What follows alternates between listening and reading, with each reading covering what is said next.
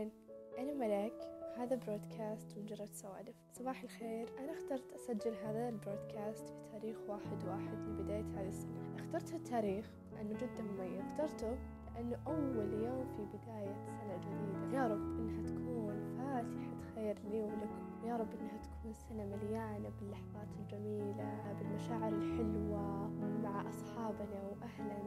وأحبابنا يا رب. خلونا نرجع شوي سنة 22 سنة كانت غريبة جدا مليانة بالمواقف والأحداث اللي علمتني أشياء كثير. أنا ممتنة للماضي مشاعري إحساسي. ممتنة لعاطفتي وعزلتي. ممتنة لإخلاصي. ممتنة لكل شخص جعلني أقوى مما كنت عليه. ممتنة لكل اللحظات الجميلة التي كانت قادرة على رسم ابتسامتي. أكيد ممتنة لقهوتي لأنها كانت السبب الأول في سعادتي. قبل كل شيء هذا البودكاست عبارة عن سوالف وقصص وثريدات نتكلم فيها عن شوي مواضيع عن ترندات ولو في مشاعر أشارككم إياها.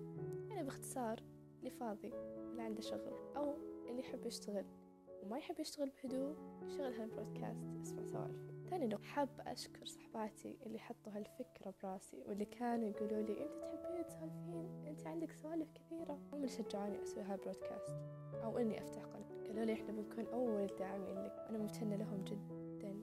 خذاني أسجل أول برودكاست بفضل الله. من فضلكم وعيونكم ثالث شيء بعرفكم علي للي ما يعرفوني وللي كانوا يعرفوني لكن مش كثير. أنا ملاك. عمري 18 سنة. خديجة 23 وكل فخر إني بكون مسك الختام لدفعة المقررات أنا الحفيدة الكبيرة. اللي كانت مدللة قبل ما يجي ولد عمتها اللي أصغر منها بسنة يخرب عليها كل الدلع. أنا الأخت الكبيرة والوحيدة اللي كل البيت واقف عليه. إي نعم أنا الأخت الوحيدة. ما عندي خوات بس عندي أخ أصغر مني بأربع سنين اسمه وليد نبذة بسيطة عني. إن شاء الله مع الوقت تعرفوني. حلمي أكون مهندسة بالأصح مهندسة بترول علوم أرض لكن في نفس الوقت أبي أدخل أرام تعرفون لما يكون عندكم تخصصين تحاولون تشوفون الأفضل لكن كلهم أفضل؟ هذا أه أبيهم الثنتين حد تسألني شلون؟ بس أبيهم الثنتين بس أنا راضية باللي اختار لي ربي خططي بالمستقبل أبي أفتح لي business خاص أبي أفتح لي brand بس مش brand ملابس مش brand عطور. كذا أبي أجيب فكرة جديدة ما حد قد استهلكها وأحطها أعيش حياة الأغنياء أصير مليونيرة عندي فلوس سيارات قصر. أكيد راح أشتريكم هدايا لأنكم متابعيني أنا مرة أحبهم. أنا أحب أقرأ. وأحب أكتب بعض الأحيان على حسب المزاج. أعشق الخيول مرة. مش مرة perfect بإني أركبهم يعني لكن أحبهم. أحبهم كمنظر. كذا أحسهم كذا لطيفين cute يفهموني أنا كذا معهم قهوتي المفضلة V60 والصراحة للحين ما لقيت شيء أفضل ولا أتوقع إني بلقى شيء أفضل منها. أميل للأماكن الشعبية. الديكورات القديمة الكلاسيك اللي عبارة عن الأبيض البني الأسود هذه الديكورات اللي كانت قديما يعني أحب أزور الأماكن الشعبية القديمة اللي فيها ناس كبار بالسن. أسولف معهم أسمع قصصهم قبل كيف كانت وكيف كانت حياتهم. طبعا طبعا أكيد ما يحتاج أقول لكم إني أحب التصوير. هوايتي منذ الصغر كان حلمي إني أكون مصورة عالمية أكيد إن هذا حلمي كأي طفلة لكن حين لما كبرت وأيقنت أن الشهرة مش سهلة. لما أتكلم عن الشهرة أتكلم عن 1 مليون أبدا مو بسهل. من ناحية أنه في حياتك ما راح يكون في خصوصية أشياء كثير راح تفقدها مع الشهرة. فاهم الشغلة دارسها كذا راح تكون okay. صراحة أني اكتفيت بصور جوالي مع أني كان عندي كاميرا بس ما استفدت منها لأنها مرة كنت أشوفها ثقيلة بالنسبة لي. فرجعت لجوالي وأحب تصويره جدا. اللي خلاني أقرر أسوي البودكاست أو أصر إني أسويه فعلا أحب أسولف كثير.